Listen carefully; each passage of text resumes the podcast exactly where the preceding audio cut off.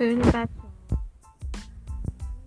قسمت زده که میکرو... یه علامت میکروفونه. اونو می‌زنی می‌تونی مثلا من الان دارم این چیزی که درست می‌کنم و مثلا voice نگرفتم که بعدا بذارم روش. ولی شما می‌تونی به من voice بدین. بعد یه قسمت داره فایل ها رو اونو که کلیک کنی فایل های صوتی شما میاد. من حالا بعد مثلا به ترتیب بنویسم.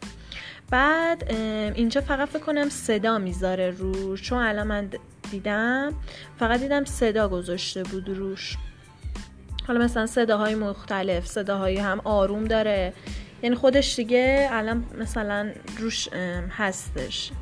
صدا. ولی من مثلا یه برنامه دیگه دیده بودم روی تصویر این صدا مثلا داشت اجرا می‌شد. حالا نمی‌دونم الان بازم دیدم ولی نشد. حالا تصویر نمی‌خواد. پس همین آهنگم که اینجا خودش داره شما نمی‌خواد هیچ کاری بکنید دیگه. من الان آهنگم دارم. حالا بذار اینو قطع کنم. اینو براتون میفرستم. این پادکست آزمایش